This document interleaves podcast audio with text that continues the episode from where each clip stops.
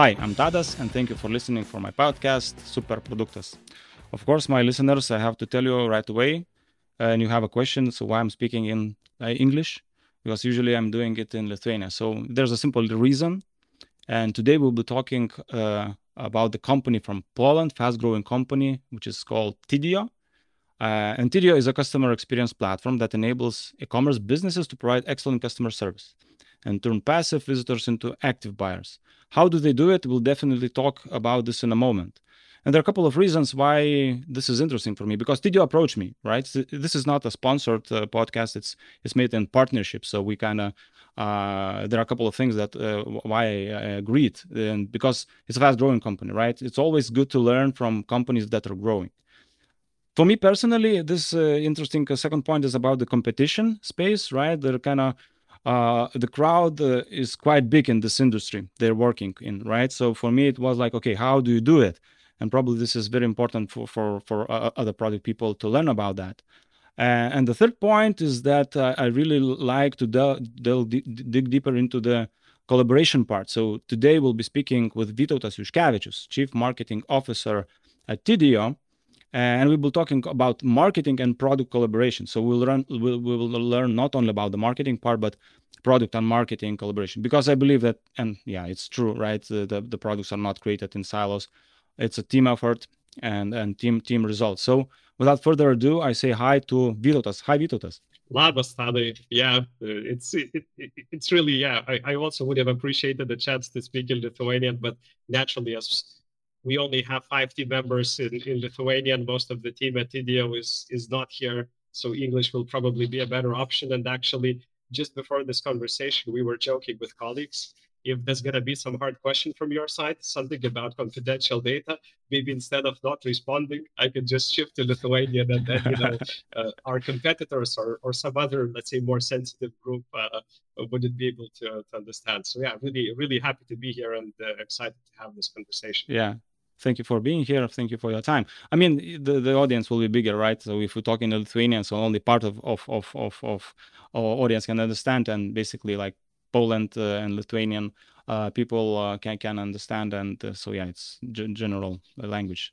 Yeah, okay so I, I, think we can make our conversation in, in two major parts. So at first of course a little bit intro from you but then uh, uh, let's spend some time talking about Tidio also i'm really interested in competition space other other issues. But the main like axis of the the podcast let it be about the marketing and marketing uh, slash product how do you collaborate how you do do things together etc Okay, but first question, just to set up a little bit context. So, can you tell us a little bit more, uh, like just like 60 seconds, uh, about your career before Tidio? Yeah, so actually, uh, my touch point, I'd say my career in, in marketing isn't very, uh, I'd say, consistent and direct. So, probably my first touch point with marketing was back in uh, something like 2009, 2010, when I was studying uh, political science at the time. And in my free time, I used to build uh, websites and try to monetize them through, for example, affiliate partnerships or, or Google AdSense uh, back in the day. So naturally, in that time, I had to learn uh, and get familiar with key metrics such as click-through rates, cost per mile, uh, cost per acquisition and, and and so on and so forth and at the same time just building a website is not enough you have to uh, figure out how to bring users and bring traffic to that. So I had to learn basics of, uh, of, of SEO, of performance marketing, and so on.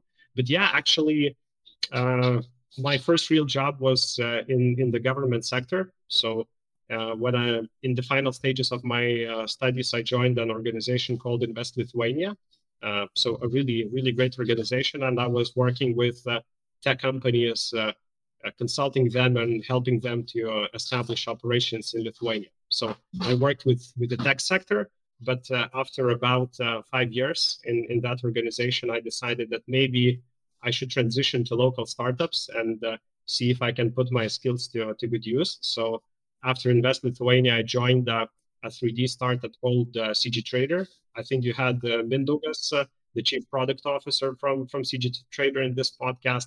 So in CG Trader, I initially worked with business development and partnerships, and later on, I transitioned to uh, to marketing. And yes, after CG Trader, I joined another uh, quite well-known tech startup in cybersecurity space in Lithuania, Surfshark. I think you also had uh, and, and Thomas from, from Surfshark. So yeah, the network is, is pretty small in, uh, in in Lithuania. So yes, and at Surfshark I worked with uh, uh affiliate marketing and uh, growing uh, Surfshark presence in countries such as Germany, Poland, France. So these these were two two of my main areas. And yes, about five months ago I, I joined Tidio. All right, very nice hands-on experience, actually, right? From from creating websites your, your, yourself and then doing more. I, I think um, that's that's a good starting point, yeah, for for many people to just try and do something uh, by by yourself, and then yeah, you get a lot of a lot of learning points from that. Totally agree.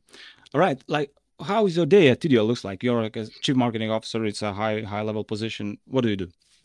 So naturally my my key responsibility is is working on the acquisition side so ensuring that we have a strong acquisition engine and we're able to uh, make Tidio visible and uh, acquire users uh, successfully efficiently and and be able to grow from from that standpoint so usually i i try to structure a week in a way that where i spend for example the first half of the week working with teams and specific uh, channels supporting them doing meetings, doing one-to-ones, uh, uh, and uh, and working mostly yeah with with teams at Tidio.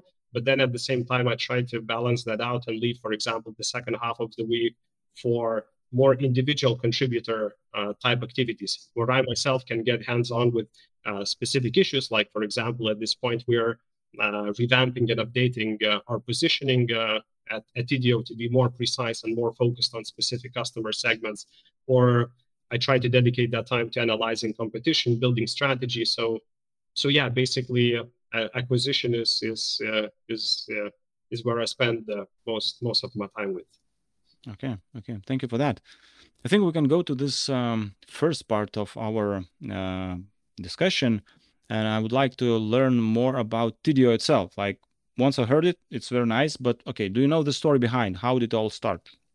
So it's actually also quite uh, quite interesting and uh, not uh, not super direct. So Tidio was uh, initially started uh, back in 2012, so quite a long time ago. But back then, Tidio wasn't a customer uh, service tool.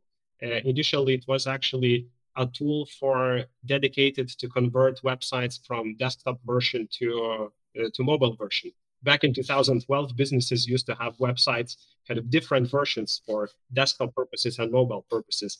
But uh, naturally, the whole, uh, let's say, sphere evolved uh, very rapidly, and that uh, solution quite quickly became uh, basically not not needed and, and, not necessary anymore.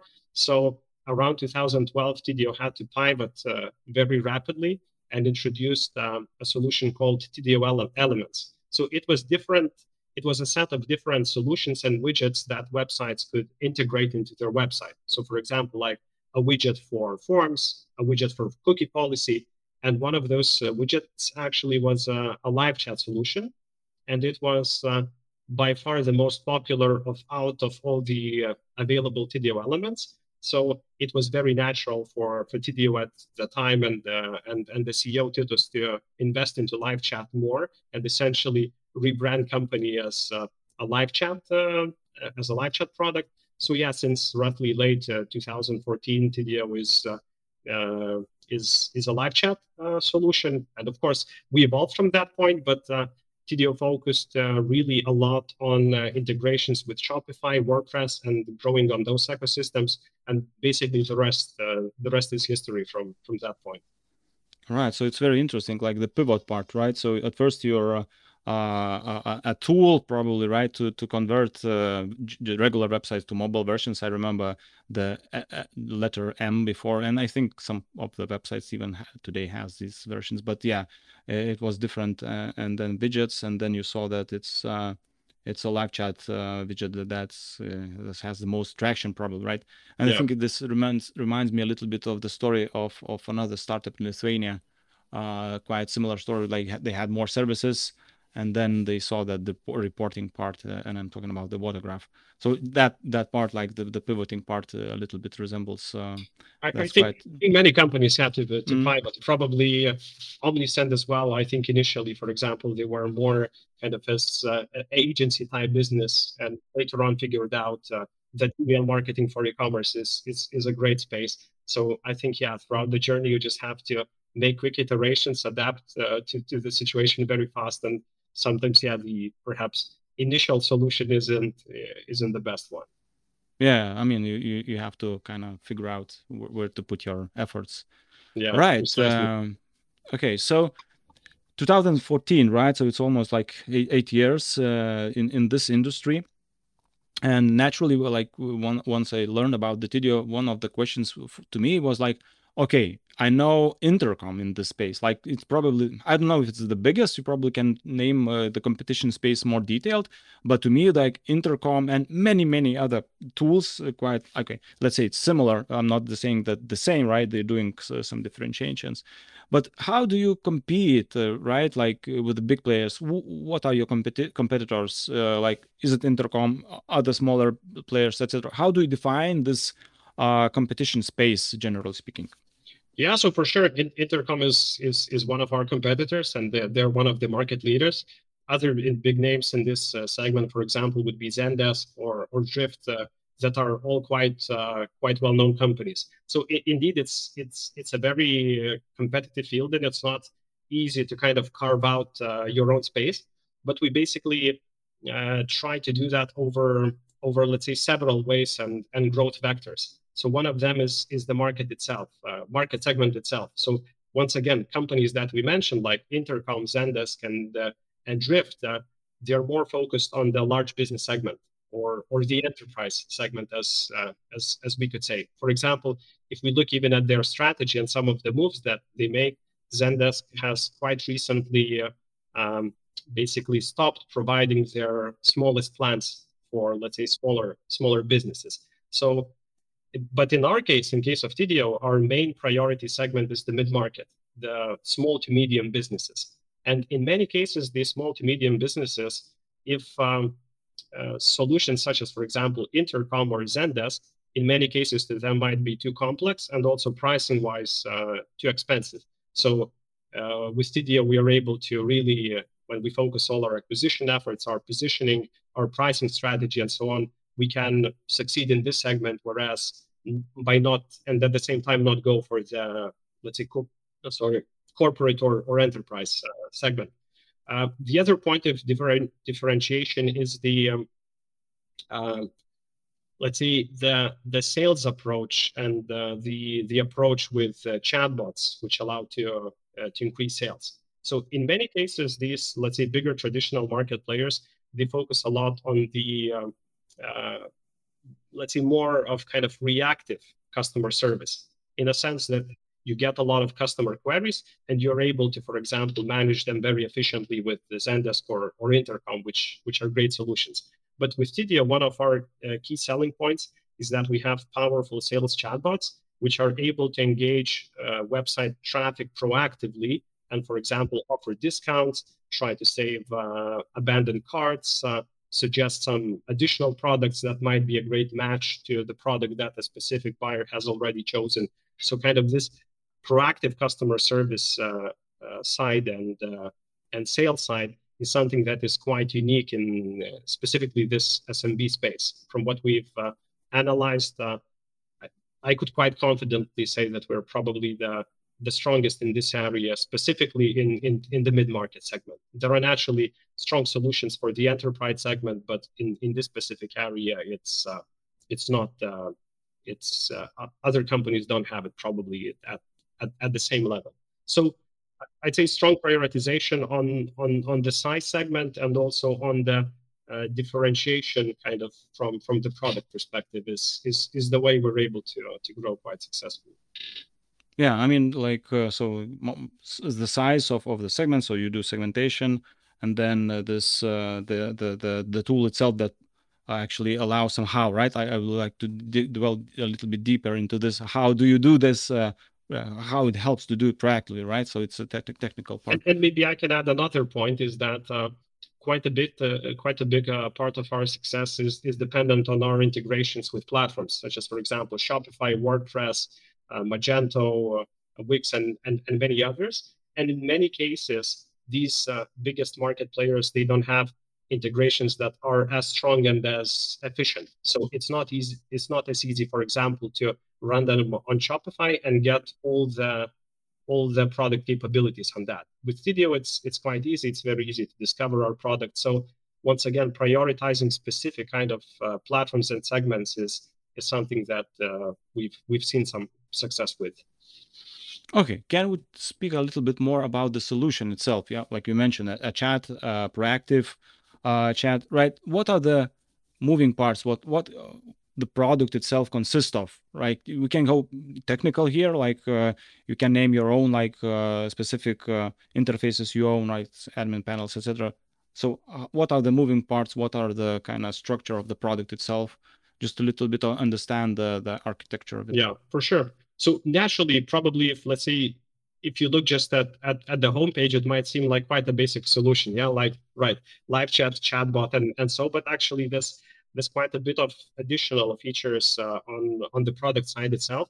So for example, even if we look at uh, chatbots, uh, there's prob- we could probably name two types of chatbots. So one of them, let's say, is more traditional chatbots that can be uh, pre-programmed and work according to instructions defined by, let's say, the owner of the website. If if something happens, then a chatbot needs uh, to do uh, this specific thing. But sort of algorithm, right? Like you just. Uh...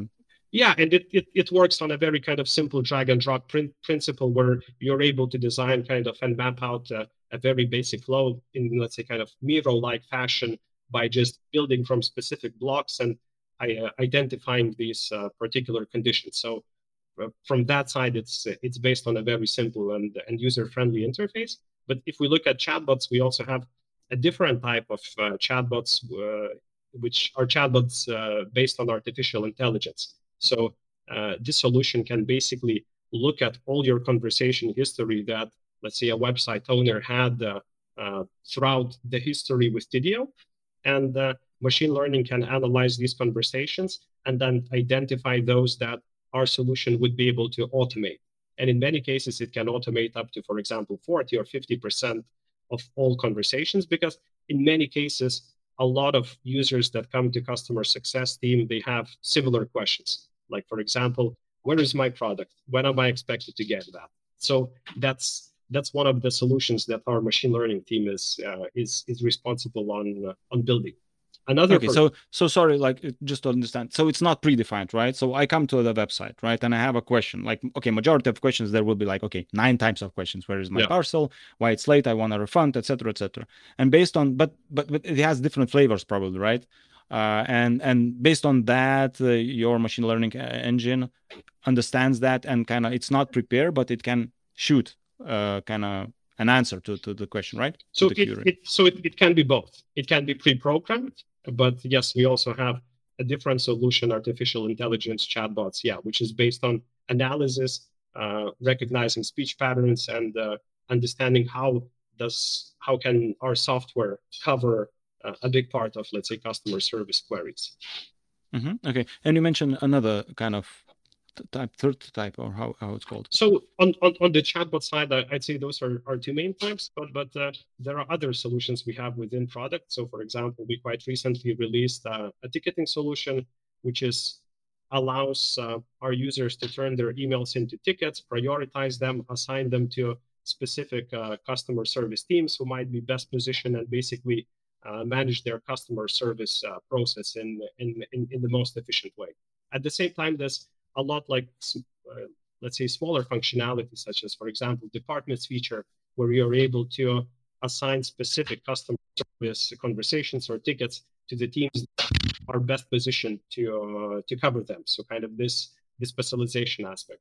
At, at the same time there's um, quite a bit of complexity on the integration side. So Tidio can sync with a lot of other e-commerce tools and uh, at the same time sync with uh, pretty much any customer service, uh, any e-commerce platform that is popular and well known, be it Shopify, WordPress, BigCommerce, WooCommerce, Magento, and, and, and, and so on and so forth. So naturally, our team has to develop that and make sure that it's always up to date, that all product features are available on these platforms. So yeah, quite quite a bit of effort goes into that. All right, all right. Can you name a little bit more numbers, like if you can, okay?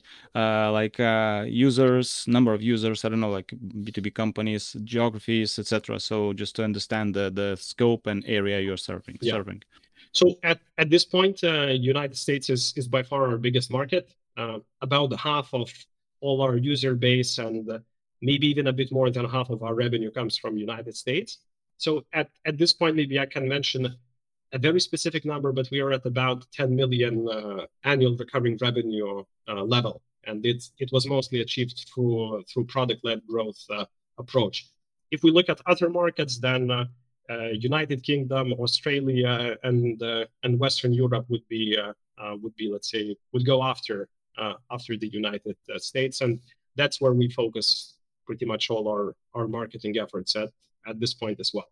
If we look at if we look at user base, naturally Tidio has uh, a forever free plan available for all our users. So the user base is pretty big. We have at this point about uh, 300,000 users, but of course, not all of them are, are active at, at any given point. Some of them might have a lot of conversations. Some might be very small businesses that let's let's say get uh, get one conversation per week or or maybe even less in some cases. Cool. And how? What is the main acquisition channel? You mentioned that it's a, a freemium basically model, right? Yes. Uh, so it's kind of okay in itself. It's product led, as you mentioned, right? Product marketing uh, led uh, growth. Uh, but still, you need to acquire these uh, free users and then uh, convert them to paid users, etc. So, what are the main channels? Yeah. So our big channel by far at this point is our partnerships and integrations with platforms. Once again, as I mentioned, Shopify, WordPress. These two, uh, these two are the biggest, and it's it's historically been uh, a big investment uh, uh, for for Tidio. So basically, our teams need to ensure that these integrations are always uh, up to date and perform really well from from technical standpoint. That all product features are available, but at the same time, we really invest into this channel from the customer experience team side. So basically, we invest a lot into uh, making sure that our customers are really happy. Basically, we serve all our free customers pretty much, I'd say, according to a similar standard like paid users. So even if you are a free user on Tidio, you can get a lot of support, a lot of one-to-one time with uh, with customer success agents, and basically there is the output that we see of that is that a lot of these happy users tend to leave positive reviews for us on platforms such as, uh, once again, Shopify or WordPress, for example. And because of that, Tidio is usually one of the top ranked solutions in live chat, chatbot, help desk uh, space uh, on the app stores of these ecosystems. And actually, Shopify, WordPress, and, and all the other platforms I mentioned are, are really big ecosystems. And what it essentially helps to create is this kind of flywheel effect in growth terms, where uh, happy customers leave positive reviews, and in turn, these positive reviews help us rank even higher and uh, acquire even more users. So it's it's a really efficient acquisition from let's say the cost perspective, but it it takes time to get going and it's quite quite a big uh, effort and initial investment, I'd say yeah because like it's a, it sounds okay it's a free user so he will probably he or she will probably not get uh, the same level of, of support because it's it's free right and you need, but this actually uh, strategy like tactics is quite smart right because you invest in that and then you get the feedback. And it's kind of they as it's free so you have lots of users and they start uh, leaving this positive reviews. And then once you have a positive reviews we know what happens right? It's like it's on top of, of, of all the lists uh, you can you can you can have. So one of the questions was uh, like, okay, who is responsible for the retention part? Like because you acquired the customer, so uh, is it product responsibility or is it like all organization? Because probably you have like a customer success team. I don't know how you call it, right? Uh, but who is the main responsibility so that these customers stay in the in the, yeah. in the product? Yeah, so the the main team responsible for that is our our product team. But of course, as as you correctly pointed out, our customer success team also contributes to that because if a user let's say isn't isn't happy from the customer service standpoint that could be of course a point for them to churn or or or to sit or to stay if, if let's say the support quality uh, is is good and they get all the all the help that they need. Okay. It's a, it's a good point. Uh, can you name your um how into, uh, structure looks like? Like main departments roles, responsibility, number of people in t- at Tidio, right? So just we understand because I understand the this uh, customer success uh, is quite important because you kind of have to keep in touch with lots of like 3,000, 300,000 customers. So it's it's quite it should, should be big. So how does it look like? Yeah, so so as you correctly pointed out, customer success is one of uh, one of let's say the bigger teams at Tidio at this point. So overall in Tidio, we, at, at this point we're about 160, 170. So um, that's that's how many team members we have. Uh, so customer success is one of let's say the the departments uh, within Tidio. At this point, it's about uh, 30 people working on uh, on on that side. Then actually, uh, as as we already discussed, we have uh, the, the marketing team responsible for, for the acquisition. We also have a product team, which is product management, product design, user experience, research. And then about a half of uh, entire Tidio is, is our tech team, which is engineering, machine learning, uh, data science, security. So that's that's quite a big chunk of, uh, of, of, of all team members on, on the tech side.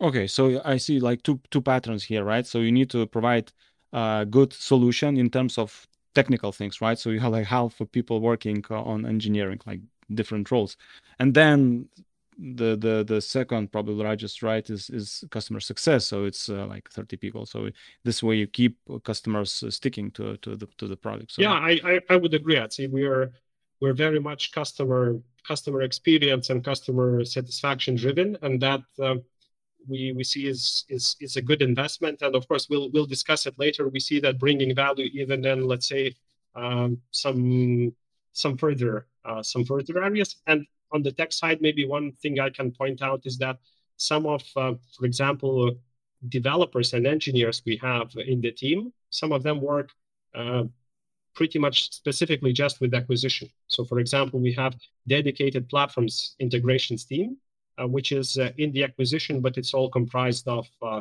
of developers. Just because it's such a critical area, and we constantly need to ensure that we have all the all the best integrations possible. At the same time, for example, in in acquisition, we have a dedicated web web presence team, which is also designers, developers, copywriters. So in some cases, it's it's a tech team, but uh, they contribute to to one of the, the critical business areas at Tidio.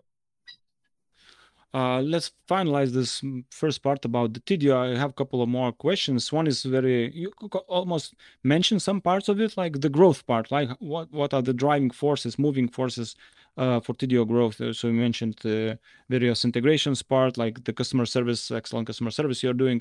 How do you see it in the future, right? Like it, probably help you to grow at this stage, like 10 million recurring revenue uh, annually. Uh, and then what else? Like, how do you see growth uh, looking into like uh, short-term perspective, like month, uh, a year and a two-year perspective? Yeah.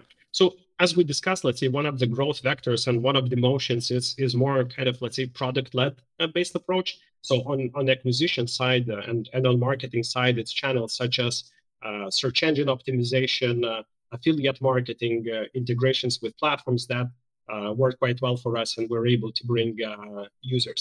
But one of the new growth areas that we're working on at this point and introducing is more, let's say, sales-led based approach, because we see that, uh, let's say, larger customers, even in the uh, mid-market space, uh, they really want to have this direct con- uh, contact with sales people, with customer success people to get a really good demo, get strong onboarding, uh, get set up with with the product itself to be able to use it successfully.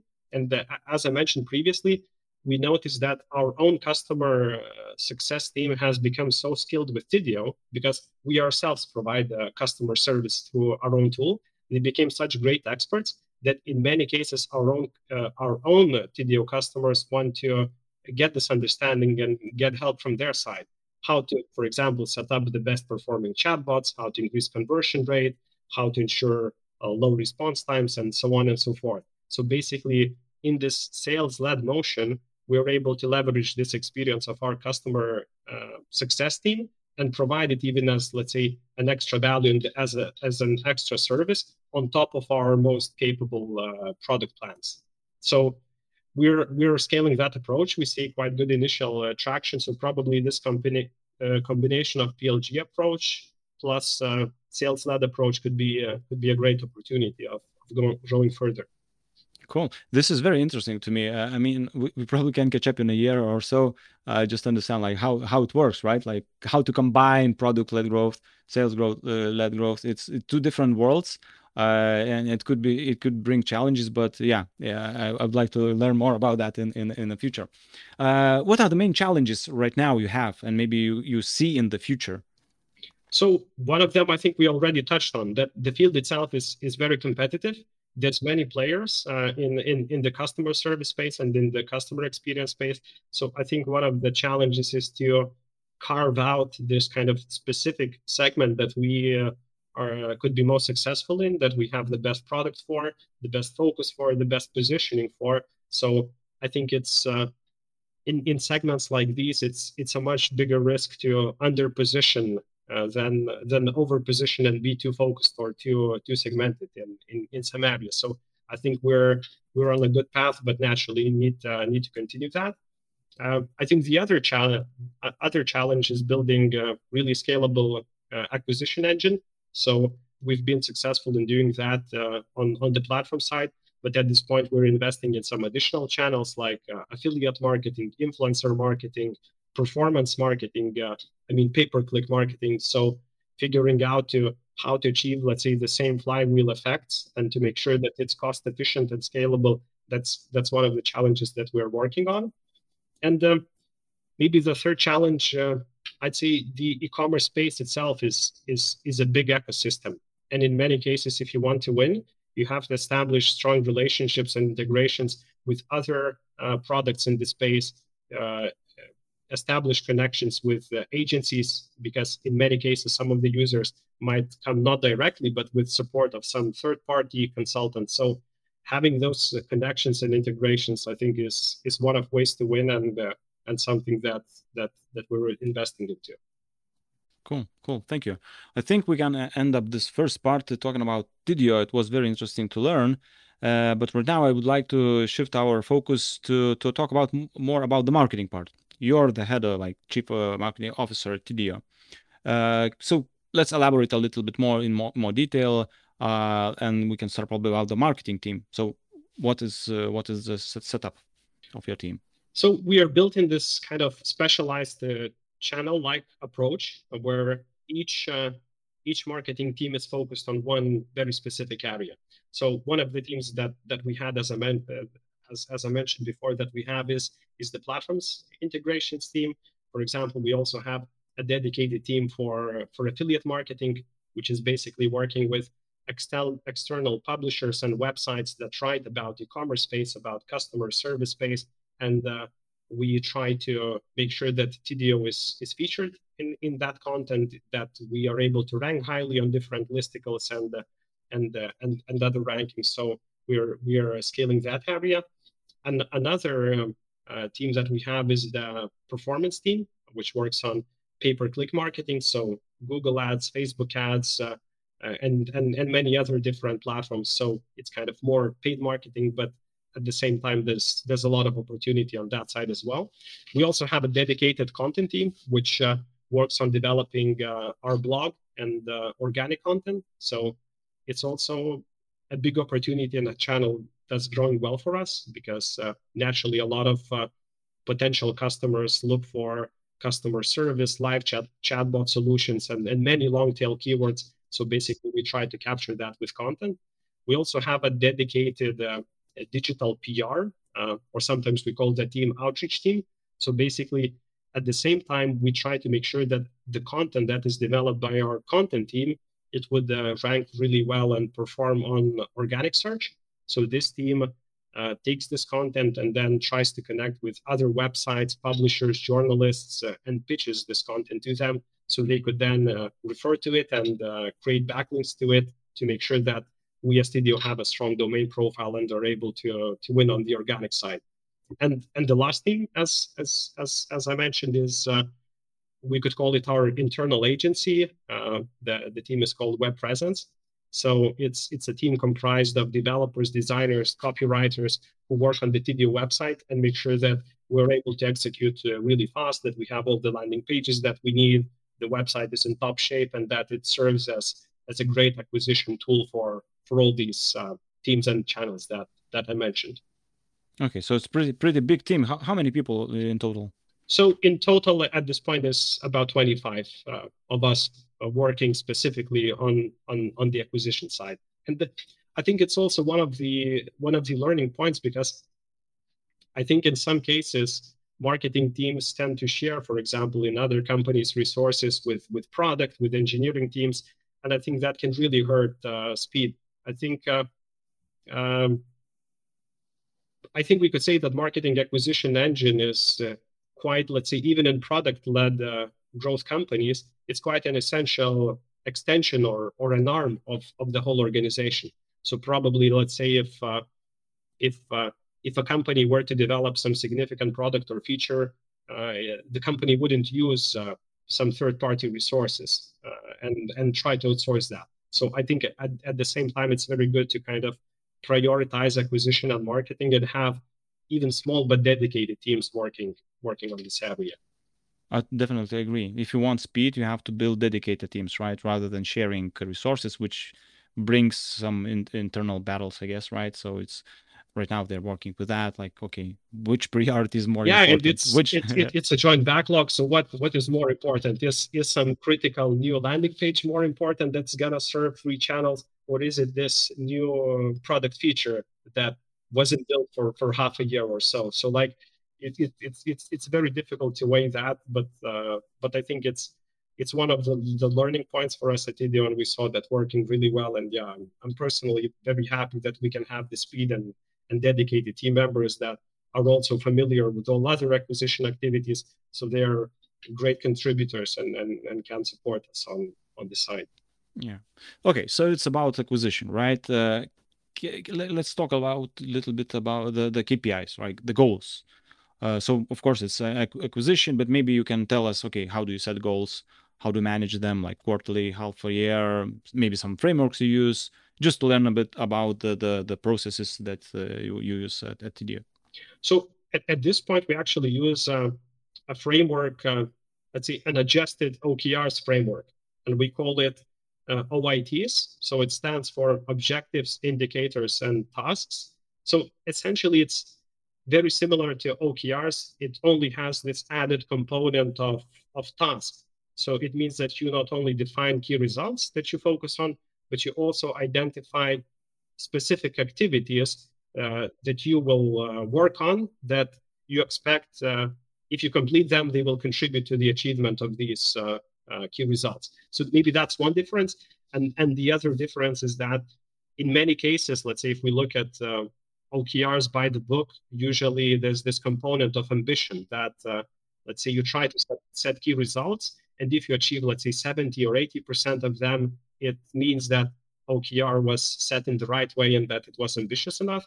But at Tidio, we, we try to avoid that. We try to really forecast as best as we can, estimate what we are able to do, and kind of try to aim for this 100% completion. And we saw that that this approach uh, works. So yeah, we use we use it on on on a quarterly uh, based approach. So so of course we have annual planning, but then we try to let's say put that annual planning into specific uh, quarters and uh, and maybe some some things that are worth mentioning is that we use uh, uh OITs across the whole Tidio. So pretty much every single team, be it uh, product engineering, acquisition, everyone uses that they are all public across the whole organization. So at any point in time, anyone can go and check uh, the, the OITs of CEO or, or specific specialist or or head of product, uh, whoever. All, all of that is public, and I'd say that that kind of radical transparency works uh,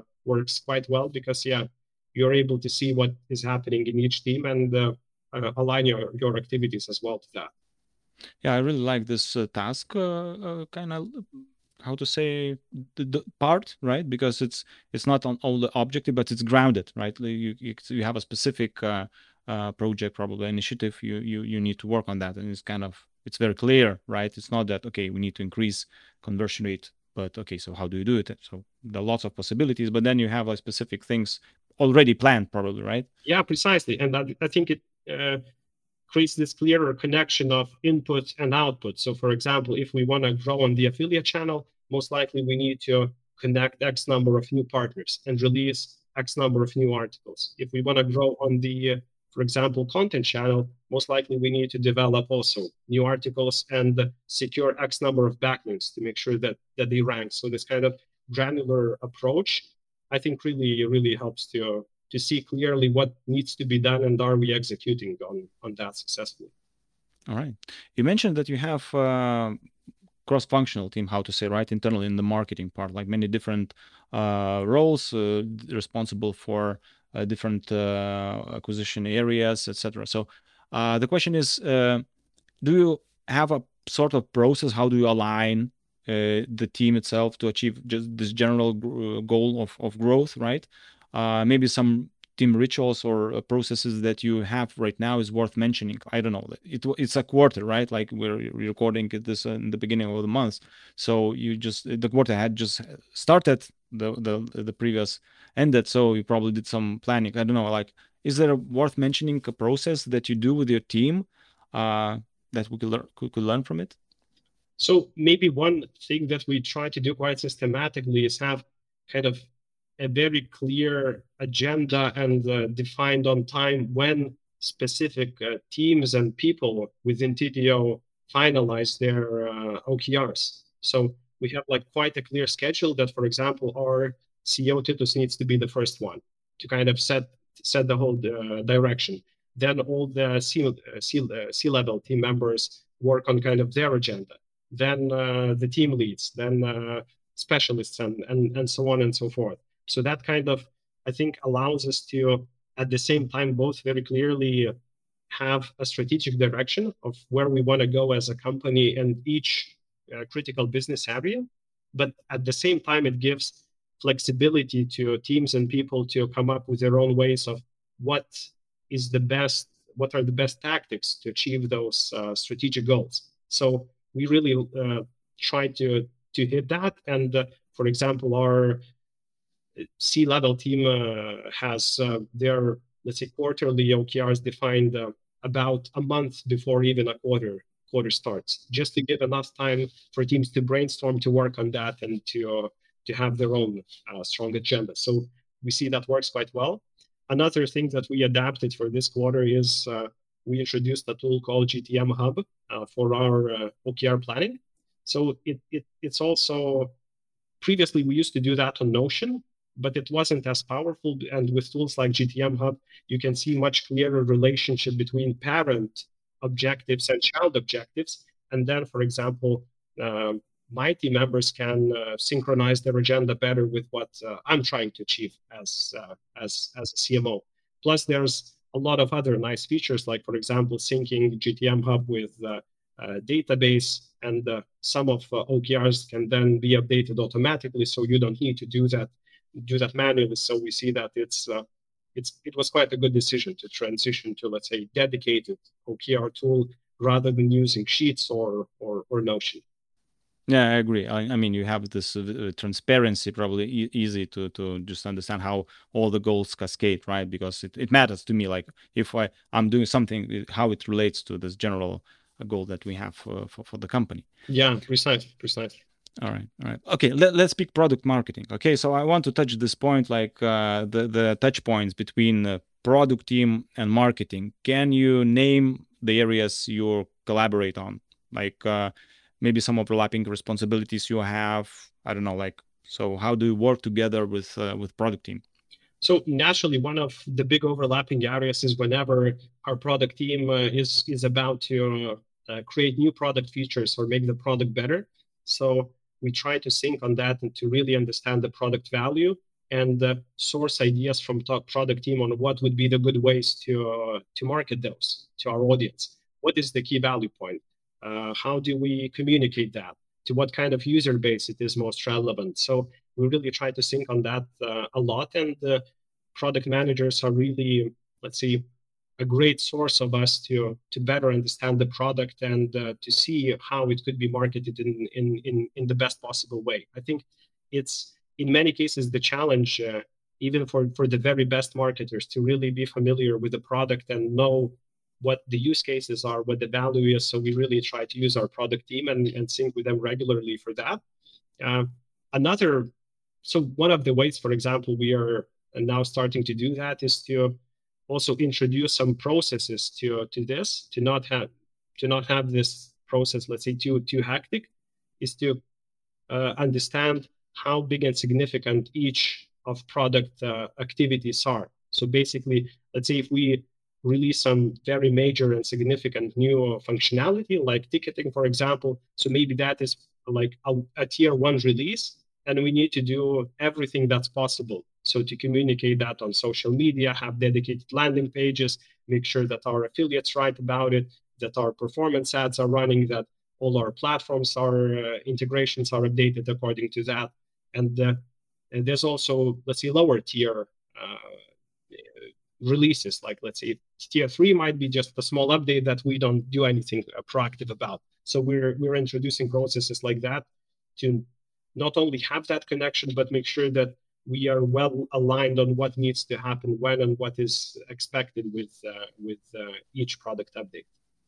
Do you have like uh, some recommendations or key lessons that you would like to share? Like because like majority of, of my audience is product people, so like okay, some recommendation from marketing person to product people like okay so what are the issues you, you, saw previously right now? What needs to be solved? So that part like to me is interesting. What would be the expectations probably right I, I think one of uh, recommendations would be uh, uh, is to really to try to understand the, the, product value super well and what it does and what value it creates for what kind of user base. And when there is such an understanding of the product side, I would really enc- encourage product uh, people to be proactive, get in touch with marketing, suggest that, and that kind of information I, I would say is is gold for for any marketer because then you can uh, really leverage that across all the acquisition channels, make the positioning more precise. So yeah, I, I'd suggest understand the value and be proactive in in engaging with with your marketing peers. And how often, like in advance, how how early in advance uh, marketers would like to be involved? Because uh, for for big features, right? You, you mentioned ticketing, so it's quite a big, I guess, right? It took a while before it was released. So how early would you like to be involved into okay is it on the idea phase? Okay we'll be we will be kind of uh, investigating opportunities that uh, worthwhile doing etc so how often how it's when it's too late to be involved? I, I, think quarterly planning is, is is is is a great time point to do that. So for example uh, from from product side it's always great to know that for example we look at, at the product product agenda. This is what we aim to achieve. These are the product features and updates that we plan to release. So maybe have it in mind uh, on, on the marketing side because most likely we need to do something something about it. So I'd say quarterly is, is, is a great format, but if it's some very significant or big product feature and, and update, probably even uh, much earlier than that is, is, is even better because in that case, you can turn that into bigger campaigns, uh, maybe uh, uh, oh, use that for, for, for, positioning, for branding, even make a big release uh, do do podcasts, do announcements, leverage affiliates, leverage influencers. So th- there's a lot of uh, things that can can happen that can really, let's say, make make a big thing of out of that uh, all all product effort. Yeah, I agree. So it's it goes to planning, right? So you need to prepare in advance. Otherwise, it's just frustrating, I guess, right? Yeah, I, I guess also for product people work and, and engineering people working on some some big feature, pouring your heart and soul into that, and, and then there's only some small uh, marketing action happening on that. So I, I, I, think it's best best avoid those situations. Totally, totally agree. Uh, I, there's a, a, one specific area I would like to uh, dive uh, a little bit deeper is uh, user journey, and not like all the user journey of uh, Tidio, but probably this top of the funnel, right, the beginning part, because I understand it's it's kind of acquisition, uh, so it should be like your responsibility. But again, how it's built, like all the onboarding experience, it's again probably goes to product team, right? Uh, so can can we go a little bit on that part? Uh, how, how, what, what do you think? Like uh, onboarding part, uh, how do you define quick wins, etc. So um, because it's you mentioned right, it's self-service like free, free freemium uh, model. So can can you name like this journey? Okay, so uh, user onboarding, what a user has to do to start using. Okay, so like we can be very technical here in, in, in detail, right? Uh, if I'm trying, so how do you define this first quick win? do I need to do some specific tasks, for example, right? Yeah. So just So maybe, maybe we, we can that. look quickly at, at, at some of the key stages. So, for example, Mhm, okay. in, in the activation, we look at uh, three, let's say, main uh, moments or, or moments or, or components. So, uh, things like the setup moment, aha moment, and, and, and habit moment, which I think are quite traditional for, let's say, digital products. So, for example, in, in the setup moment, uh, we look at like what are the minimum steps to make sure that user is ready to uh, experience the product and gain value uh, from that. So in Tidio case, for example, it's uh, a point when a user completes the basic product tour and installs the Tidio widget. We know that at that point they can already start, let's say, getting the value from the product. Aha moment in our case, so the point when a user starts to feel the, the value of the product, and that's kind of the value for which a user is ready to, to return and use us more. Uh, so in Tidio, we define it as the first uh, time a user has a real conversation with the user, because at that point they experience our product. Most likely, they provide great uh, customer service to their user. So usually, that's the point where where where it, this kind of aha moment is experienced. And uh, if we look at at habit moment, so naturally, it's kind of seeing that a specific action is is repeated quite often, and uh, and this let's say value is uh, is is consistent for the user.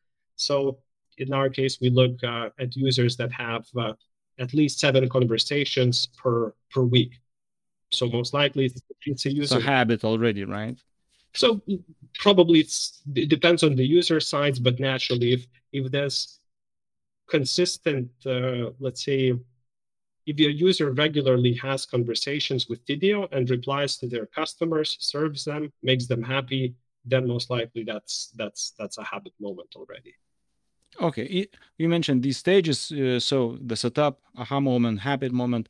Uh, you mentioned the the habit is kind of bound to a time, right? Like seven conversations per week. What about other ones, like setup? H- how how fast it should be? Like what's what is the expectations from from Tidio? Like can I set up it like real quick, so it's uh, minutes rather than right? It can, it can be set up very quickly in, in, in, in minutes up to up to half an hour. So for example, our product tour is is very basic. It's like four steps, and you can complete it in like uh, a minute essentially. Installing the widget also, uh, if if doing if, if you're doing that through platforms like for example Shopify, it's a, a couple of button clicks essentially. You can also do it through a code, in, code injection, but once again, we have a, a, a guide for that, and it's just kind of copy paste approach, so you can do that, yeah, essentially very quickly. So as as product led company, uh, we try to build it all in such a simple and straightforward way that it would be very easy for user to self serve,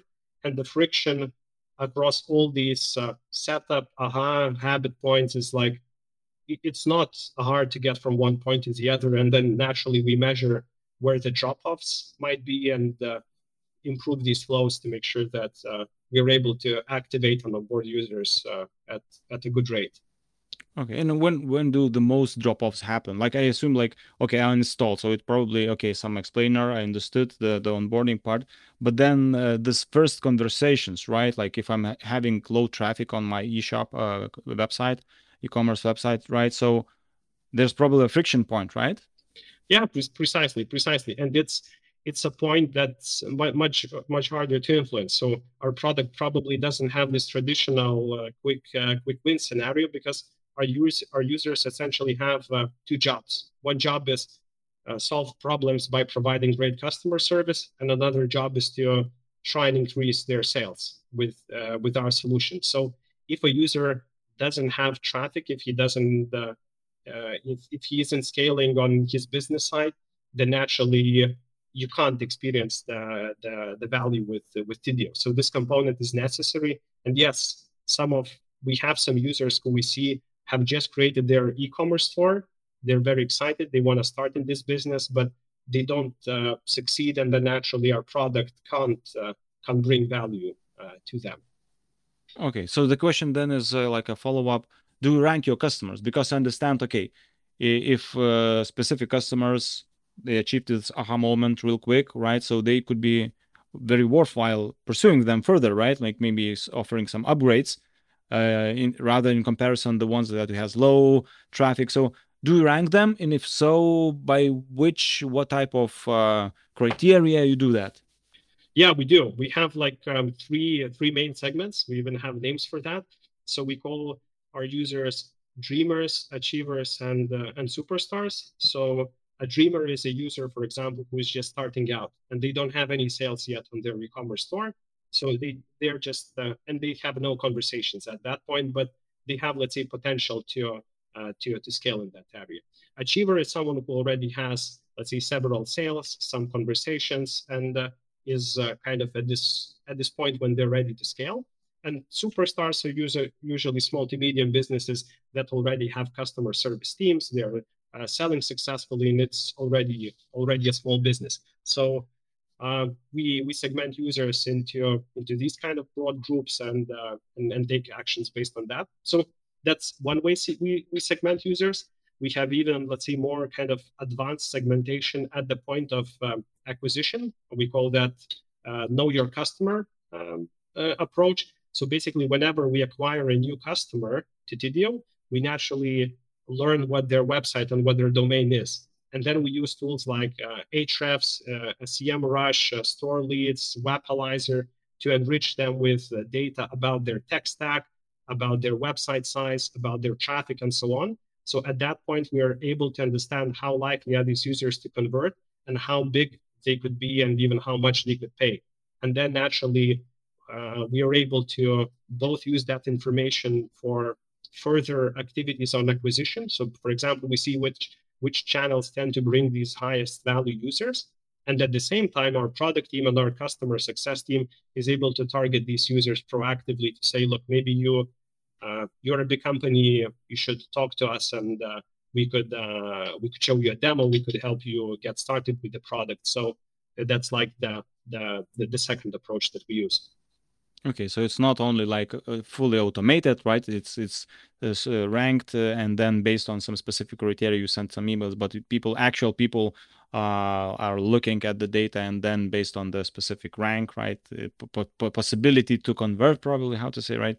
it, it can be outreach and probably naturally more more effort, more care uh, has to be made right? So the, the yeah would, precisely. would depending on, on on the potential of the customer the biggest let's say potential customers we we will most likely reach out directly. We will say look hi i'm your customer success manager. Maybe we should maybe we should talk. There's some new features that i can uh, show and help you get started with. So in some cases it can be very very customized. Right all right. We're talking probably around an hour already. Uh, but I have one more question about the data. We did not mention that specifically, but uh, yeah, it's a product marketing led growth company. I guess you use lots of data. So can you tell me a little bit about the how do you use data? Do you do some A/B tests, etc.? So yeah, let's let's talk a little bit about the data. We use it across the whole organization, and pretty much every single team that I mentioned even has dedicated data people. So, for example, even for all the acquisition activities, we have an experienced uh, senior data analyst who is who is helping us measure acquisition, analyze the quality of it, prioritize activities that tend to work best. Also, we're investing a lot into because as as a freemium product, naturally the volumes of of uh, registrations that we get uh, can be quite big. So we really need to, as we discussed, understand which of those customers are the highest potential and where what we should prioritize. So we, we use a lot of data. When it comes to uh, A/B testing, it's it's uh, it's an interesting uh, question, and uh, there are some things. Yeah, we we had some lessons from the past. So as a product in in B two B space, naturally the the volumes of traffic that we're getting they are probably much lower to some of uh, B two C digital uh, products. So we are really critically evaluating how many pages we have that are even testable from statistical significance uh, perspective. So we had cases where, for example, we would uh, test a page, but then we would see that it's very difficult to get statistically reliable results or even to generate uh, enough impact to justify the, uh, the testing itself. So at this point, we basically uh, are sticking to, to an approach where we identified three or four critical pages, such as, for example, homepage or pricing page, which we know get a big volume of traffic. Uh, the test can be statistically significant and they won't uh, take too much time.